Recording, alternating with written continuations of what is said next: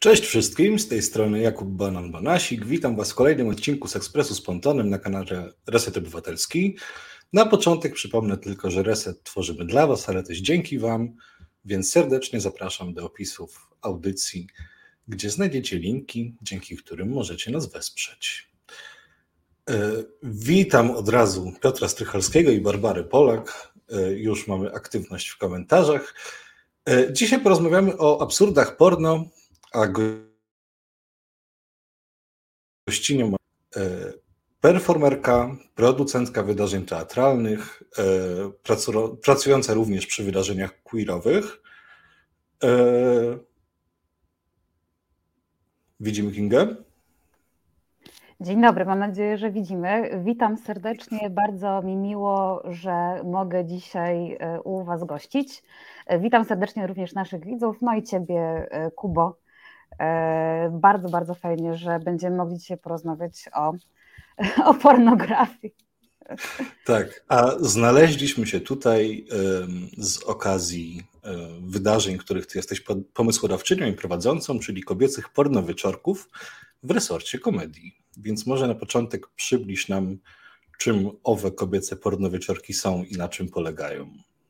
Tak, e, z miłą chęcią. E, myślę, że sam tytuł już może trochę sugerować, e, o co chodzi, natomiast też nie do końca jest jednoznaczny, więc chętnie wyjaśnię. Kobiece pornowieczorki są wydarzeniami teatralnymi, inspirowanymi pornografią, natomiast nie do końca może dosłowną, a bardziej zdekonstruowaną właśnie przez komiczki z warszawskich scen teatralnych. Podczas pornowieczorków z jednej strony przyglądamy się temu klasycznemu kinu erotycznemu i trochę się z niego śmiejemy, a z drugiej strony traktujemy je też jako inspirację do komedii.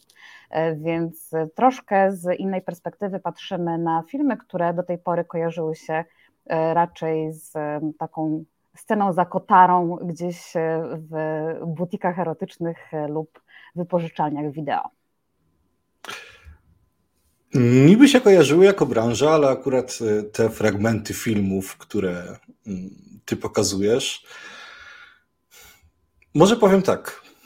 Zapraszam wszystkich, żeby poszli na kolejne przedstawienie i zobaczyli, o czym będziemy mówić, bo no one się nawet nie do końca z pornografią kojarzą tak naprawdę, bo to są zwykle intra, prawda, do filmów pornograficznych. Tak, tak, to prawda. I y, skąd inąd wiem, że nie jesteśmy pierwszym wydarzeniem komediowym, które gdzieś bierze pod lupę E, te komiczne często wstępy e, do e, filmów pornograficznych. Z drugiej strony nie zawsze są to tylko tego typu sceny, bo tak naprawdę cała konwencja porno jest przez to, że no, z reguły jest bardzo mocna, oparta też na konkretnych zachowaniach, premisach, jest po prostu lekko absurdalna w momencie, kiedy wyjmie się ją z tego kontekstu, w którym się dzieje. Więc oczywiście najwięcej wśród materiałów, które pokazujemy podczas pornowieczorku mamy takich abstrakcyjnych intro, Natomiast znajdzie się tam też, no i znajduje się tam też miejsce na po prostu absurdalne sceny. Jakkolwiek ważne jest też po prostu to, że pomimo, że mamy do czynienia z pornowieczorkiem, to nie jest to pokaz porno, czyli nie mamy tutaj do czynienia E, z e, pełnometrażowym kinem erotycznym, tylko już tutaj bardziej ocenzurowaną jego wersją, która jest przyczynkiem do komedii. E, to skąd w ogóle wyszedł pomysł w takim razie? Z tego co pamiętam, właśnie w jednym z moich monologów komediowych, właśnie jeszcze pół roku temu lub więcej, wspominałam o tym, że mm, o ile często jak znajdziemy na YouTubie jakiś fajny film, e, to wiemy do kogo go wysłać i wiemy, że możemy go wysłać, e, nawet bez konsentu e, do osoby tam koleżeńskiej czy przyjacielskiej, to w przypadku pornografii jest trochę inaczej. I raczej tej pornografii się tak za bardzo nie pokazuje swoim znajomym. Do pornografii też nie zawsze się przyznajemy, jeżeli ją oglądamy. A jeżeli nawet się przyznajemy, no to nie na tyle otwarcie, żeby wymieniać się z kolegami, koleżankami linkami do filmów porno. I w odpowiedzi na mój stand-up usłyszałam bardzo dużo komentarzy z publiczności, które brzmiały: Hej, ja chętnie zobaczę. Więc mając do wyboru albo założenie grupy messengerowej, na której będę wysyłać ludziom pornografię, albo zrobienie wydarzenia, podczas którego razem sobie pooglądamy te filmy i się pośmiejemy, a przy okazji jeszcze od razu sobie będziemy mogli i mogły zareagować, no bo to też jest wydarzenie nie tylko dla kobiet, no to wybrałam to drugie i stwierdziłam, że okej, okay, może na scenie taki koncept się sprawdzi. Odezwałam się do resortu komedii, z którym współpracuję od kilku lat, no i tam też ten pomysł trafił na przyjazny grunt, więc, więc dzięki temu się udało wystartować. Czyli tak biorąc z drugiej części Twojego życia, czyli bycia doradczynią biznesową, zobaczyłaś tak. popyt, uznałaś, że tak. trzeba ten popyt zaspokoić jakąś podażą, tak? Tak, jakkolwiek oczywiście słowo popyt w kontekście y, erotycznym tutaj y, można... W kontekście komediowym akurat. W kontekście komediowym jak najbardziej myślę, że tak, wręcz powiedziałabym, że zobaczyłam niszę, y, bo i tutaj nie mówię tak może stricte w nomenklaturze ekonomicznej, ale nawet w kontekście kulturowym, bo z, o ile każdy z nas może mieć takie doświadczenie, że znajdzie po prostu chcąc lub nie chcąc jakiś film erotyczny, który jest po prostu absurdalny, zabawny, głupi, i sobie go obejrzy i się pośmieje, no to o wiele raźniej jest to robić wspólnie jak się okazało, więc, więc tak. E, jak pisze no, pani tak, Barbara tak. Polak, to dobrze, bo śmiech to zdrowie. Tak. Jak najbardziej, jak najbardziej. No zdrowie tutaj e, jest dla nas priorytetem. E, to co też, śmieję się, ale faktycznie jest priorytetem o tyle, że partnerujemy z na przykład edukatorką seksualną, proseksualną Talią Grubizną, która bardzo dużo pisze o takich kwestiach, które są i związane, znaczy my jesteśmy od tej strony może śmiesznego porno, no ale z drugiej strony też wiemy, że rozmowa na ten temat jest często przyczynkiem do rozmowy w ogóle o seksualności, a w rozmowie o seksualności też zawsze jest miejsce na rozmowę o zdrowiu, więc gdzieś tam to się łączy. Oczywiście, co bardzo mocno reklamujemy również jako grupa Ponton. E, już zaczęłaś mówić o tym, że poszłaś z takim pomysłem do resortu komedii, E, zastanawiam się, jak wyglądało przedstawianie go i czy szybko mhm. zażarł, że tak powiem, czy trafił na e, przyjazny grunt. E, tak, paradoksalnie tak, też dlatego, że um, osoby, które się zajmują w ogóle produkcją wydarzeń komediowych, myślę, że mają dość otwarte umysły, na tyle przynajmniej, że ta pornografia gdzieś jest w stanie szybciej wejść pod strzechy i przyznam, że też bardzo pomogło to, że jednak e, zarówno w momencie, kiedy ja przedstawiałam ten pomysł, jak i teraz, w momencie, kiedy opowiadam czy Państwu, e, czy Tobie, Kubo, czy komukolwiek e, o tym, dlaczego pornowieczorki powstały i czego, czemu służą, to bardzo mocno podkreślam jednak ten element safe space'u, E, który jest, no myślę, że tutaj kluczowy, czyli nie produkujemy wydarzenia, które ma za zadanie szokować tym, że puszczamy porno, e, bo no nie jesteśmy w pierwszej gimnazjum czy tam ósmej podstawówki, w zależności od tego, kto ma jaką pulę referencyjną.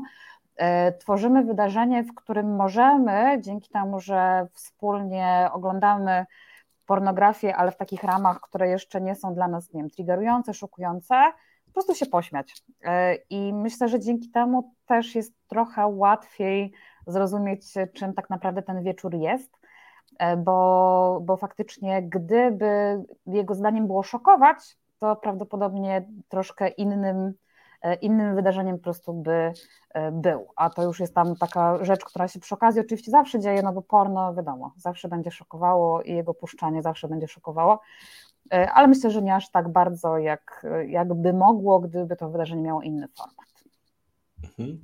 A grupa docelowa? Bo mhm. tytuł samego wydarzenia by wskazywał tylko na kobiety. A właśnie, ja wielokrotnie e, myślę, że się zastanawiałam, jak bardzo tutaj mówić, że kobiecy, no bo faktycznie my to tworzymy jako kobiety i wszystkie komiczki, które występują w ramach pornowieczorku, bo jest to wieczór, podczas którego nie tylko puszczamy filmy e, pornograficzne, czy tam tak zwane smaczki, nie wiem, czy tutaj to jest dobre słowo w tym kontekście, e, ale może e, warte uwagi fragmenty o wymiarze komediowym. Tworzymy to przede wszystkim ekipą kobiecą, E, oczywiście są z nami również mężczyźni, e, którzy tej bardziej od strony e, produkcyjnej czy tam obróbki technicznej też nas wspierają, więc oczywiście nie jest to tylko i wyłącznie stuprocentowo budowany przez kobiety show, natomiast to kobiety są na scenie. Dlaczego to jest ważne, dlaczego ja to podkreślam? Bo nadal komedia nie do końca może jest traktowana jako sztuka kobieca, i nadal słowo komiczka y, budzi, y, może nie, że zdziwienie, bo nadal, myślę, że już tam feminatywy nam troszkę weszły pod strzechy, mm, ale mm, jest troszkę traktowane bardziej jako egzotyczne niż powiedzmy komik, czy tam y, jak to czasami się nawet stawia na równi stand-uper, więc dziewczyny, które tworzą komedię są tak naprawdę tutaj głównymi bohaterkami tego show, a samoporno jest bardziej pretekstem do tego, żebyśmy mogły po prostu razem e, sobie tę komedię stworzyć, oczywiście dla widzów przede wszystkim, bo e, o ile w kontekście publiczności można by było pomyśleć, ok, to jest przede wszystkim dla dziewczyn, i ja też tworząc to show w pierwszej kolejności myślałam o kobietach,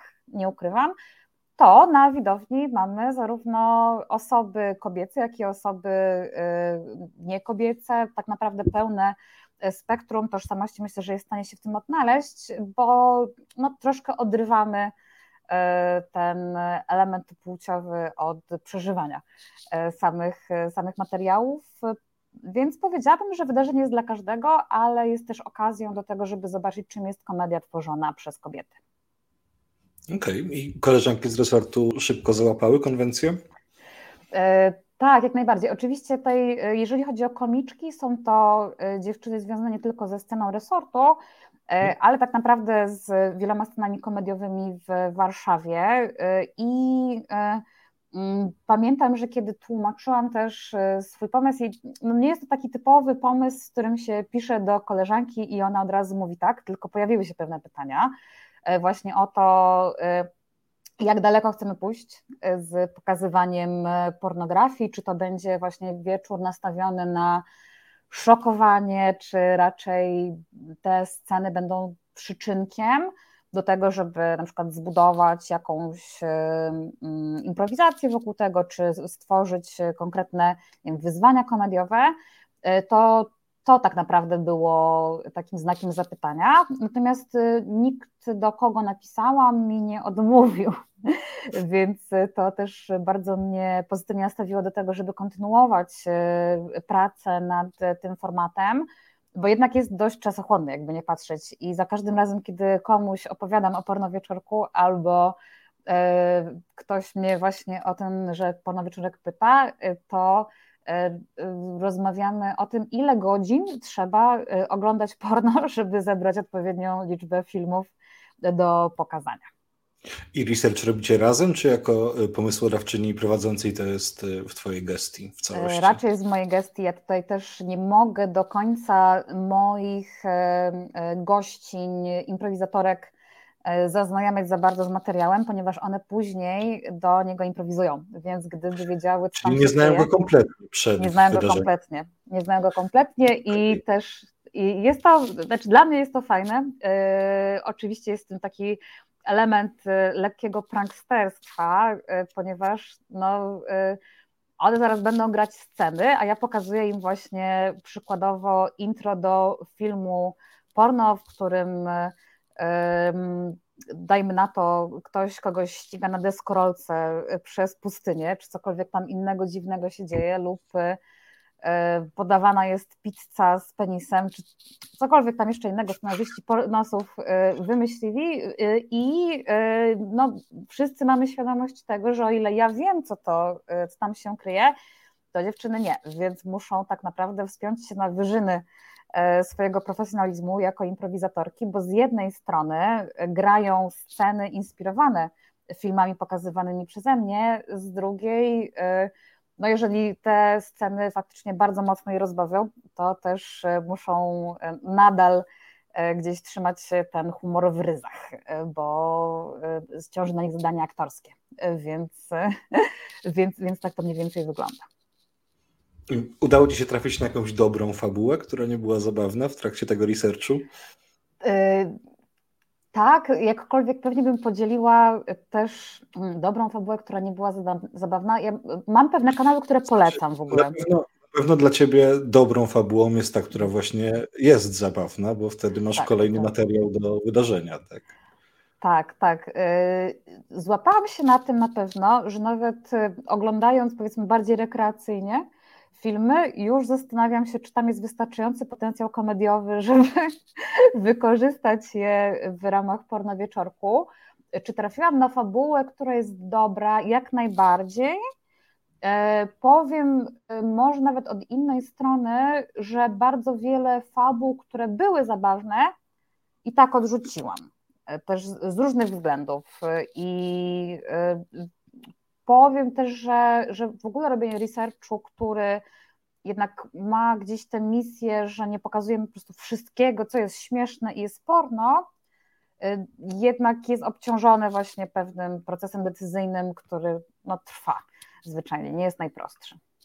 To najpierw powiem, że masz chyba nową fankę. Nie wiem, czy nową, może już była na porno wieczorku. Pani Barbara Jeszcze Polak napisała, że świetny pomysł, nie trzeba się wstydzić samych siebie i podejście do tematu daje spokój. Eee, I chciałem i wyleciało mi z głowy przez ten komentarz. To ja pozdrowię w tym czasie panią Barbarę. Mam nadzieję, że y, nawet jeżeli się nie widziałyśmy jeszcze na porno wieczorku, to mam nadzieję, że się zobaczymy w czerwcu, bo w czerwcu będzie kolejny. I to prawda, nie trzeba się wstydzić samych siebie ani jak oglądamy porno, ani jak, jak oglądamy komedię, bo y, jednak bywa tak, że y, się niechętnie dzielimy gdzieś, czy swoim gustem co do tego, co nas bawi, czy tego, co nas nie wiem, podnieca lub ekscytuje, a, y, a jednak y, jest tam zawsze pole do wymiany doświadczeń. Nie musi być to samotne doświadczenie y, gdzieś tam przeżywane w domowych pieleszach. Oczywiście, jak najbardziej. A wracając w tym momencie, mówiłaś o pewnych ograniczeniach, które sama sobie narzuciłaś, no bo tak. któż by inny. E, więc co odpada pomimo bycia śmiesznym w takim razie?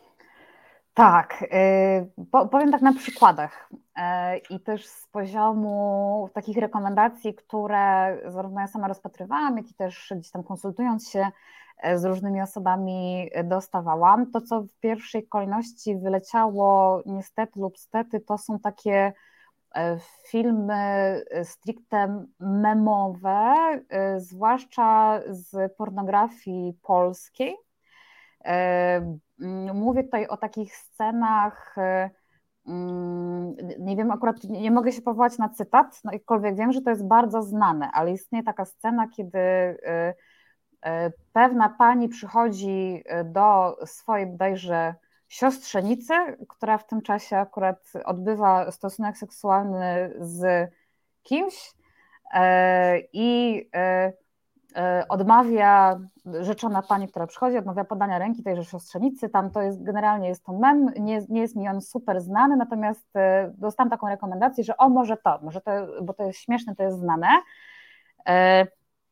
E, I, e, I zrezygnowałam z pokazywania takich filmów, które są e, tak już mocno znane, że tak naprawdę już nie spełniają tej funkcji porno, tylko bardziej funkcję mema.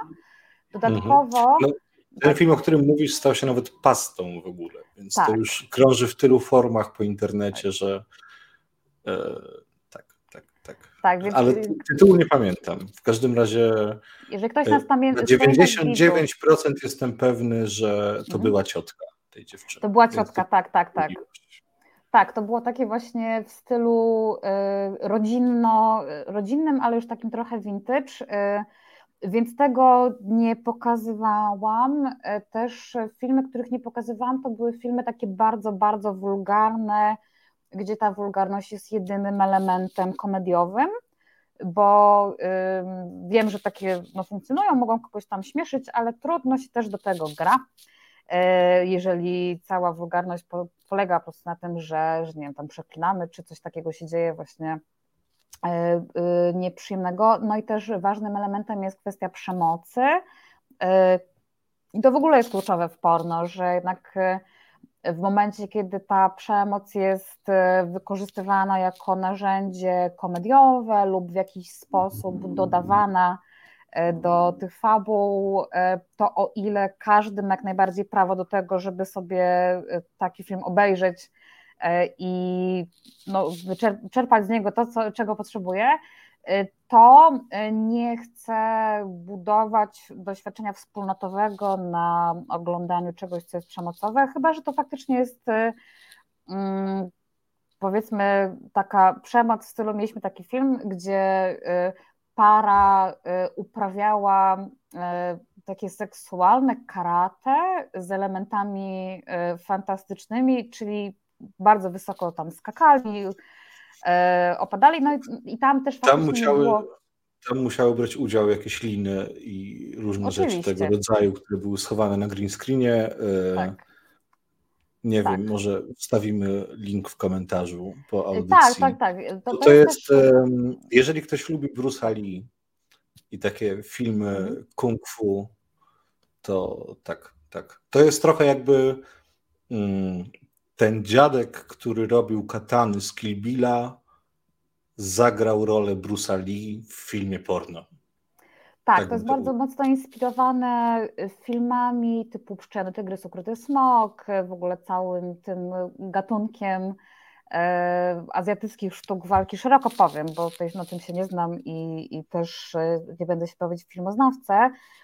No i tam faktycznie, no, ktoś mógł powiedzieć, no ale przecież karate posiada element przemocowy, no, natomiast nie ma tam nie wiem, krwi, nie ma tam cierpienia, nie ma tam okrucieństwa. I, I, myślę, że to też jest dla mnie bardzo ważne w kontekście pornografii, bo mm, trzeba mieć e, na uwadze fakt, że na widowni siedzą bardzo różne osoby o bardzo różnych doświadczeniach i bardzo różnych doświadczeniach z porno. E, więc staram się, żeby też to ryzyko y, striggerowania, zszokowania negatywnego było jak najmniejsze e, i z tą samą świadomością też improwizatorki, które biorą udział w wydarzeniu, e, grają, czyli też nie, nie brutalizujemy też tego, co, co pokazujemy i staramy się, żeby cały czas było to jednak lekkie, komediowe, przyjemne potencjalnie doświadczenie. Ktoś kiedyś wyszedł w trakcie? Tak, wyszła jedna pani w trakcie, y, bo nie spodziewała się tego, tej ilości pornografii y, i serdecznie ją pozdrawiam.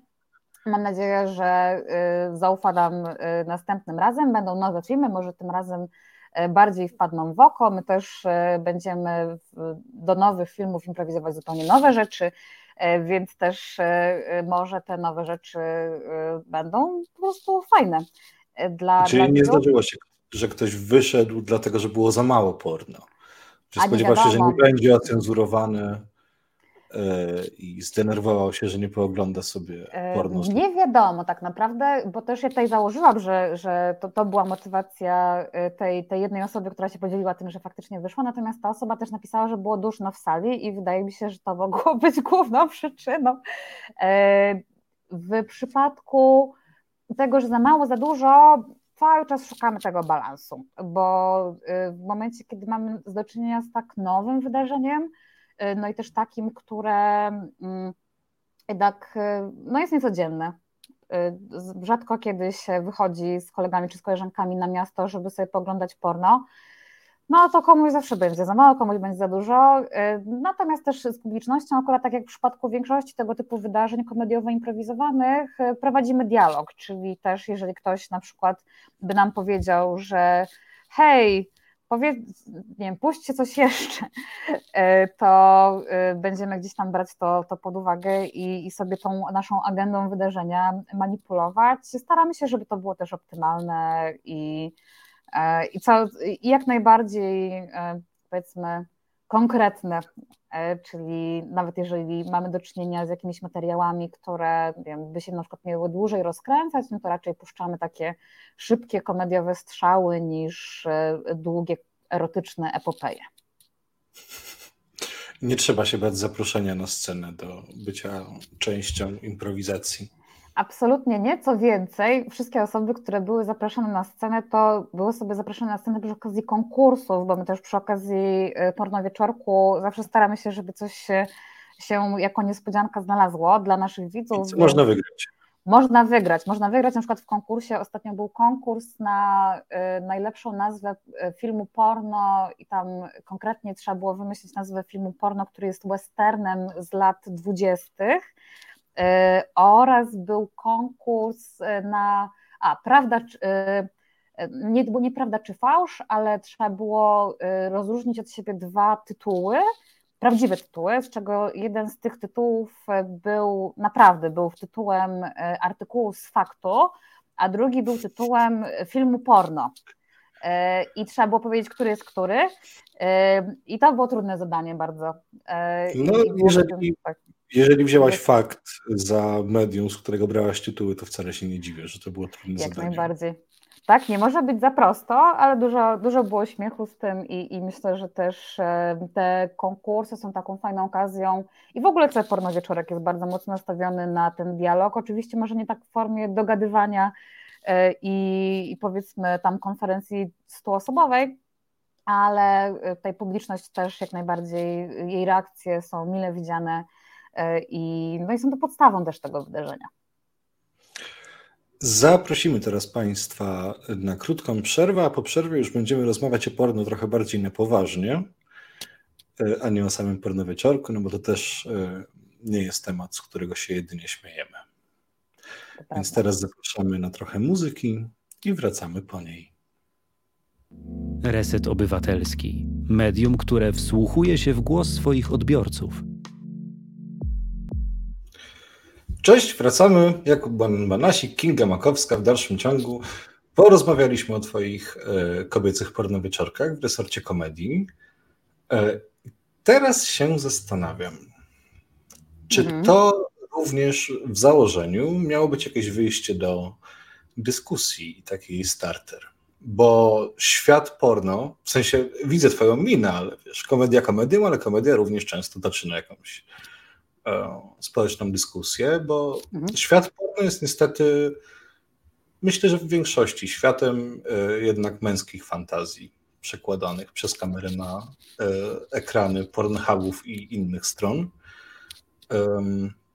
Więc czy to jest również takie zwrócenie uwagi, że jeszcze jest, są inne strony, które te porno oglądają? Tak, jak najbardziej.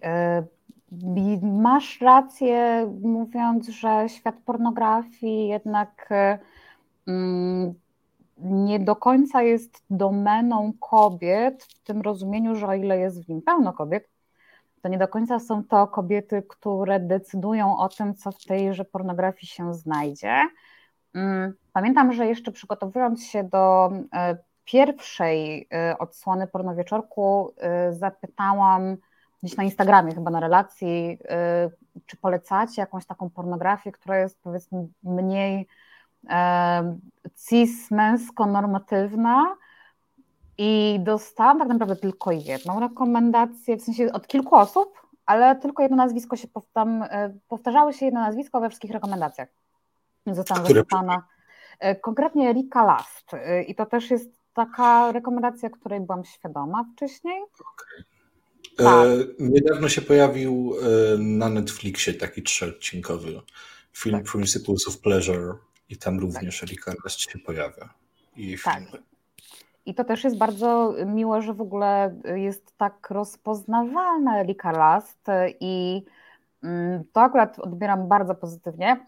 Natomiast e, sam fakt, że w momencie, gdy mówimy w ogóle o pornografii i gdzieś tam wkraczamy w sferę takiego dyskursu, nawet jeszcze nie, nie nadając temu wydźwięku komediowego, nie budując żadnego tam meta, um, żadnej meta otoczki wokół e, samej pornografii, Jednak mierzymy się trochę z tymi stereotypami, które odbiorców pornografii dotyczą, z tym, że to raczej jest tak zwany boys club, raczej niż girls club, z tym, że pornografia jest w zdecydowanej większości produkowana z myślą o męskich fantazjach, męskich użytkownikach, pomimo że to wcale nie są jedyni odbiorcy pornografii.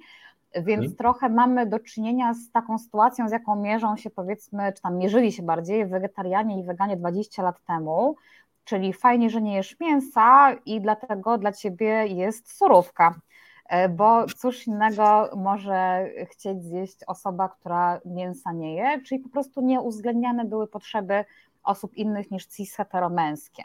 No znaczy tutaj... E, tak. Przepraszam, dodatkowy problem polegał na tym, że nawet te filmy, które przedstawiały nie cis-hetero e, sceny, one również były robione przez cis-hetero facetów dla cis-hetero facetów w ogromnej większości. Tak, y, jak najbardziej i mm, oczywiście tutaj gdzieś można zawsze z tym dyskutować i powoływać się na różne przykłady filmów, które przełamywały nawet tam kilkadziesiąt lat temu takie stereotypowe patrzenie na, na pornografię i tutaj mam na myśli na przykład nie wiem, musicalową Alicję w Krainie Czarów, która jest z lat 70. i która faktycznie jest po prostu no, fajnym filmem, oprócz tego, że przedstawia dużo scen seksu e, i głównie no, o tym jest. Ale nadal ten y, gatunek porno jednak jest bardzo, bardzo zdominowany pod względem i pomysłów, i sposobu przedstawienia kobiet, i w ogóle sposobu przedstawienia relacji, co jest bardzo ważne, bo jednak seks jest wypadkową zazwyczaj jakiejś relacji, E, to, to wszystko jednak gdzieś z reguły w 95% nie ma żadnych badań na to, żeby to powiedzieć, ale 95% według mojej wiedzy, czy tam założenia, jednak przedstawia tą perspektywę cis-heteromęską. Mhm. I zapytam w takim razie, jeżeli już chcesz tworzyć statystyki e, na poziomie tylko i wyłącznie własnych obserwacji i tego się będziemy trzymać tutaj. Czemu nie? Szans na zmianę tej sytuacji w takim razie? Myślę, że ten y, trend już jest odrobinę.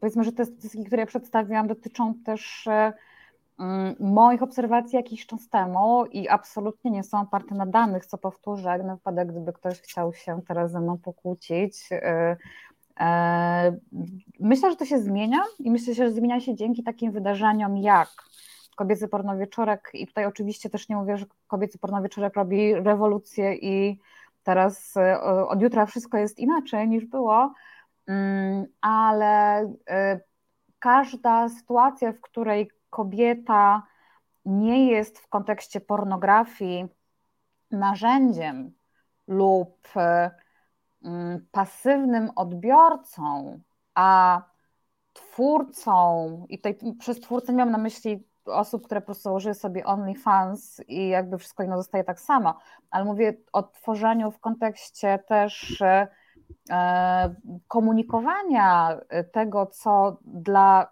kobiet, dla kobiety danej jest pornograficzne, jest atrakcyjne, jest ekscytujące, e, każda zmiana tej optyki i każda zmiana tej roli już jest przyczynkiem do tego, że y, cały krajobraz porno powoli, powoli się zmienia y, i to też zauważają największe y, firmy produkcyjne, które to, to porno tworzą, bo pojawia się coraz więcej, powiem brzydko, kontentu, czy tam treści, a pojawia się coraz więcej treści stworzonych z myślą stricte o kobietach. Tylko, że... przez kobiety? Słucham? Z myślą o kobietach i przez kobiety? I przez kobiety również tworzone, natomiast też jest tak, że na przykład kręci kobieta, pisze kobieta, grają kobiety, ale pieniądze dają mężczyźni, ci, którzy dorobili się tej klasycznej pornografii, bo tak na przykład mamy do czynienia, tak mi się przynajmniej wydaje według mojej wiedzy, tak jest z kanałem Deeper, który jest e, targetowany pod kobiety, e, a jest tam częścią, czy tam własnością bardziej znanego, pewnie również kobietą, kanału Blacked i w ogóle tej firmy produkcyjnej, która gdzieś w tych rejonach się mm, gdzieś osadza. Więc mamy do czynienia też z takim powiedzmy coraz Mm, lepszym dopasowaniem do potrzeb, czyli trochę takim mechanizmem kapitalistycznym, więc w tym wymiarze kapitalizm tak trochę kobietom sprzyja, a na, na dłuższą metę oczywiście nie, ale, ale jest to jedna z, jedna, z, y,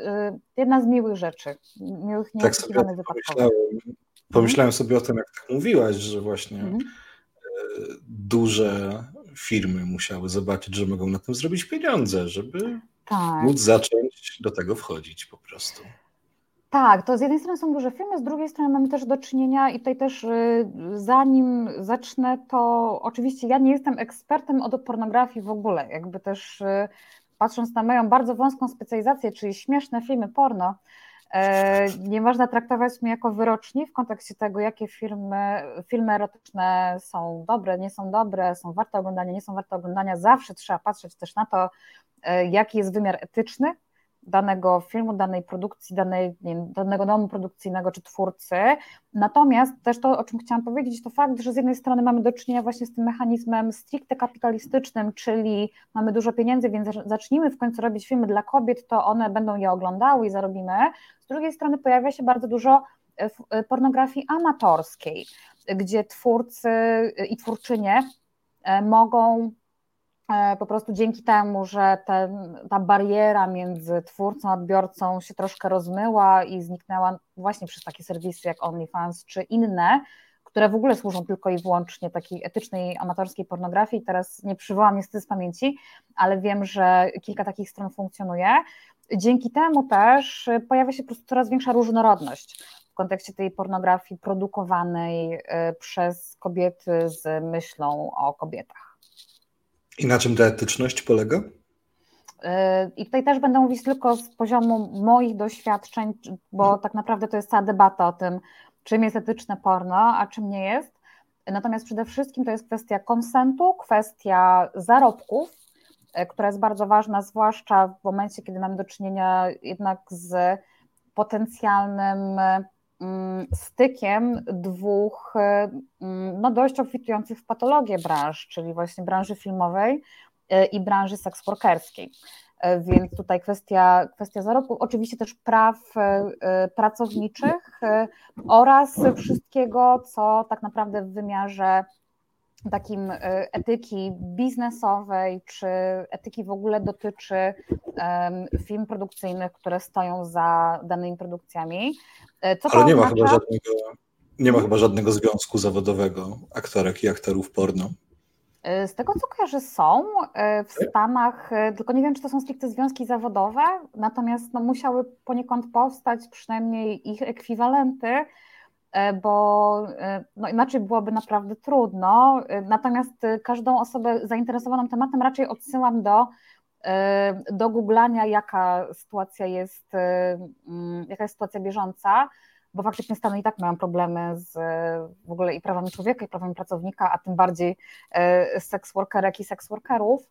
Mm, natomiast e, coraz więcej też się pojawia tej solidarności właśnie dzięki temu, że takie e, platformy jak OnlyFans trochę mm, no, u, uwolniły przychód potencjalnie e, osób, które w, chcą po prostu nagrywać pornografię, nagrywają pornografię nawet profesjonalnie, natomiast już nie potrzebują całej nie wiem, ekipy e, wokół tego i, i producenta, którą, które musiałyby zapłacić. Więc e, tutaj oczywiście, tak jak też wspominałam, nic nie jest czarno-białe, nie jest tak, że kiedyś pornografia była zła, zła, zła i wszystko, co tam się działo, było najgorsze na świecie, a teraz jest super. Natomiast widzę faktycznie dzięki tej dywersyfikacji E, lekkie, lekką poprawę e, i e, faktycznie jeżeli chodzi o sięganie po takie porno, co do którego nie ma obaw, że powstało po prostu gdzieś w nieetyczny sposób, to jest to troszkę łatwiejsze niż było jeszcze kilka lat temu. No stuprocentowej pewności nie mamy nigdy, nawet jeżeli chodzi tak. o OnlyFans na przykład, ale to też jest kompletnie inna debata, czy Oczywiście. treści na OnlyFans są tworzone tak, jak chcą tego same modelki, czy to jest e, w zdecydowanym Mm. Czy, czy to jest tak naprawdę y, odpowiadanie na to, czego chcą oglądający? Więc tak naprawdę sytuacja by się nie zmieniała.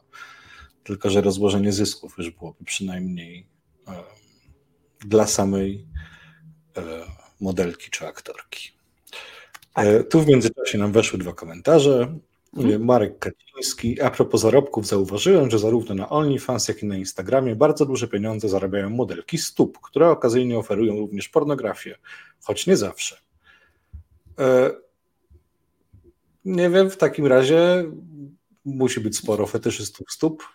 Bardzo możliwe, bardzo możliwe. Niestety e, dzisiaj nie mamy danych na, na wiele tematów, które poruszamy, ale y, ciekawa obserwacja. E, no ale tak, no w sumie jest to taki bardzo soft rodzaj, powiedzmy, tak, więc...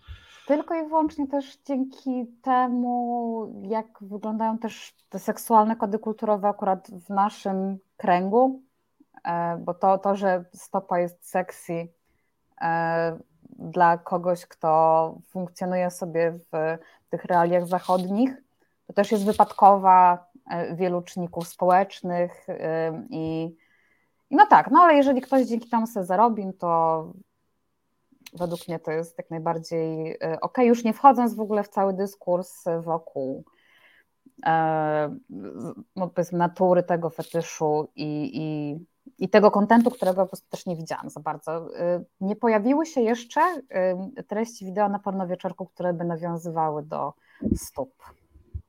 Pojawiły się gadające tyłki za to, z tego co pod, pamiętam. Jak najbardziej pojawiły się, pojawiły się gadające tyłki, pojawiły się bardzo, bardzo niszowe treści miejscami, natomiast stóp jeszcze nie było.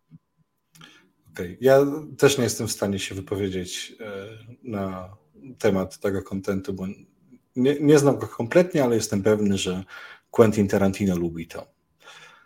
E, Adrian Jasiński. E, swoją drogą, cześć Adrianie, bo chyba się jeszcze dzisiaj nie witaliśmy, a wiem, że oglądasz nas stale, za co bardzo dziękujemy. Napisał nie od dziś wiadomo, że na wszelką pornografię trzeba zawsze i wszędzie patrzeć z dystansem i zarazem mieć zawsze i wszędzie dobre poczucie humoru, bo nie od dziś wiadomo, jak bardzo trzeba pozytywnej energii, która napędza e, wolnej seksualności. Jup. E, na wszelką pornografię trzeba zawsze i wszędzie patrzeć z dystansem, e, ale też nie na tyle dużym dystansem, żeby ją od razu piętnować i stygmatyzować, bo e, tutaj wracając do tej rozmowy o badaniach i ogólnym braku danych, myślę, że gdybyśmy sobie dzisiaj zrobili sondę wśród oglądających plus nas, to myślę, że osoby korzystające z pornografii były w większości. E, więc dystans jak najbardziej, ale również nie, e, nie piętnowanie i odcinanie się w pełni, no bo jest to jakaś część naszego życia. Jak najbardziej. Mm, tak, myślę, że ten dystans na pewno jest potrzebny y, w ogóle w, w życiu.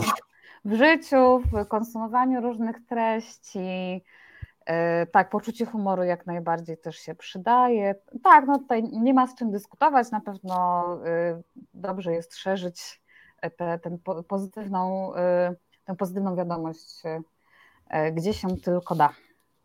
Tak, widzę, że od Adriana też jest jeszcze jeden komentarz dotyczący piętnowania męskocentryzmu. W każdej ja, dziedzinie tak. Tak, tak. W tym branży pornograficznej e, to ludzka rzecz, która ma na celu sprzeciw wobec męskiej dominacji. E, jak najbardziej tutaj myślę, że nawet nie, nie, nie układając tego w formie konfliktu, to jest to troszkę też próba y, odpowiedzenia sobie na pytanie, a co by było gdyby? Co by było gdyby tożsamość kobiety nie była zależna od dyskursu, który powstał bez jej udziału. Y, I, i oby było nam dane tego doświadczyć, y, jak w jak najbardziej powiedzmy komfortowy sposób. Y, I, i tak, tak, myślę, że, że tutaj jest to po prostu taki system naczyń połączonych i gdzieś tam naszą rolą jest trochę dekonstrukcja tych naczyń bez y, równoczesnego wylewania z tego całej wody i rozbijania wszystkich naczyń w momencie, kiedy próbujemy gdzieś rozłączyć od siebie. Zresztą męska dominacja Adrianie w tym kontekście była dość dwuznaczna. Nie wiem, czy zamierzenie w tym, tym komentarzu. Tak, bo tutaj też trzeba by było to y, doprecyzować, żeby, żebyśmy zarówno my, jak i widzowie stwierdzili, co ty myślimy i jaki mamy do tego stosunek. E, dobrze, czyli powiem Ci, że tak naprawdę z tej drugiej części rozmowy wychodzi na to, że musimy z uśmiechem patrzeć na to, co się dzieje, na to, co się będzie działo, bo zmierzamy w dobrą stronę, a przynajmniej w lepszą stronę. Bo jeżeli e, zaczyna się już robić mniej właśnie męskocentrycznie e, i na niektórych polach zaczyna się robić coraz bardziej etycznie, to znaczy, że branża porno zaczyna się trochę uczłowieczać, powiedziałbym. W oparciu o moje obserwacje y, i brak przedstawionych danych, więc y, zachęcam wszystkich y, naszych słuchaczy i widzów, w zależności od tego, w jaki sposób tutaj się z tą rozmową zapoznajecie, do na pewno sięgnięcia po, po te dane trochę bardziej odważnie niż do tej pory sięgaliście, być może bo faktycznie te zmiany są widoczne, są odczuwalne, natomiast też trzeba pamiętać o wielu ograniczeniach, które mamy zarówno poznawczo, które ja mam poznawczo, e, zarówno z wyniku faktu, że mam jakieś swoje filtry kulturowe, filtry wynikające też nie wiem, z wychowania, z konsumpcji treści, które mają charakter erotyczny, e, ale też pewnego przywileju społecznego, bo o ile my teraz sobie możemy rozmawiać właśnie o tym etycznym porno, to y, wiemy też, że ta zmiana, mimo że się dokonuje, nie do końca y, prowokuje dyskusję, której częścią jest każda osoba, y, której to porno dotyka. To dotyczy tak naprawdę też osób młodszych, które w przypadku takich wydarzeń jak porno wieczorek, myślę, że wolałabym, żeby ktoś swoje pierwsze porno zobaczył właśnie w sali z, z ekipą 100 obcych osób, niż gdzieś właśnie na jakiejś dziwnej, mrocznej stronie e, w internecie. E, więc, więc tak, myślę, że faktycznie, jeżeli się spojrzy z odpowiednią optyką, to, to zmiana się dokonuje, jest pozytywna, ale wszystko tak naprawdę jest sumą też tych doświadczeń indywidualnych, więc ja tak naprawdę tylko trzymam kciuki, żeby one stawały się coraz bardziej bezpieczne, coraz bardziej pozytywne E, i, i budujące, zwłaszcza, że pornografia nie musi być zła. No problem tutaj polega na tym, że e, jeżeli coś samo w sobie jest tabu, to trudno e, rozpocząć szeroką dyskusję na ten temat. Tak, jak najbardziej. I tabuizacja często też jest postrzegana jako narzędzie do chronienia pewnych osób czy pewnych grup e, przed tymi kontrowersjami, czy, czy właśnie tymi dylematami moralnymi, etycznymi, podczas gdy no nie, to nie jest, nie jest konieczna i z reguły się okazuje też no, po prostu opłakana w skutkach, jeżeli no utrzyma się zbyt długo. Czyli podejście, jeżeli nie będziemy o tym mówić, to znaczy, że to nie istnieje. Tak, tak, lub podejście, w którym e, no w ogóle, jeżeli chodzi o sferę seksualności, czyli tak naprawdę ta cała praca, którą wy e, wykonujecie wokół też edukacji seksualnej i w ogóle budowania dyskursu, gdzie ten seks e, jest, nie jest tematem tabu, tylko tematem na równi z po prostu nie wiem, chodzeniem po zakupy czy jazdą na rowerze, to wszystko tak naprawdę zmierza ku temu, żeby minimalizować e, sytuacje, w których z jednej strony pornografia jest tym tematem tabu, w właśnie w konwencji społecznej, w konwencji tego dyskursu, po czym każdy, kto tę pornografię tabuizował, kiedy mógł o niej porozmawiać, wraca sobie do domu i i tę pornografię ogląda, ale się bardzo wstydzi. E, więc e, tutaj też ten dualizm jest, e, no jest po prostu negatywnym zjawiskiem społecznym i tak jak zresztą widzę, że pisze pani, pani Barbara do nas, że tabu to też niewiedza i oczywiście, oczywiście, że tak. Jako, że musimy już kończyć, powiedz nam Kinga, kiedy następny porny wieczorek? Na następny porno wieczorek zapraszam Was 30 czerwca do resortu komedii. I żeby się być na bieżąco, no to oczywiście śledźcie resort, bo tak jest najprościej. Natomiast będzie jeszcze więcej informacji o tym, jakie specjalne atrakcje przygotujemy w związku z tym też, że to będzie Pride Monthowa, jest bardzo brzydko nazwałam to po angielsku, ale y, y, będzie to czerwcowa, związana z Pride Month y, edycja Porno Wieczorku, więc troszkę, troszkę inaczej niż zazwyczaj podejdziemy do tematu i troszkę więcej informacji też już, już niedługo. Czekam z niecierpliwością. Dziękuję Ci bardzo, Kinga, za dzisiaj. Moją gościnią była Kinga Makowska. E, dziękuję również wszystkim osobom, które wzięły udział w dyskusji z nami. Ja nazywam się Jakub Banan-Banasik i dziękuję bardzo, że byłyście i byliście z nami w 59. odcinku z Ekspresu z Pontonem na kanale Reset Obywatelski. Do zobaczenia, do usłyszenia. Dziękuję bardzo. Reset Obywatelski.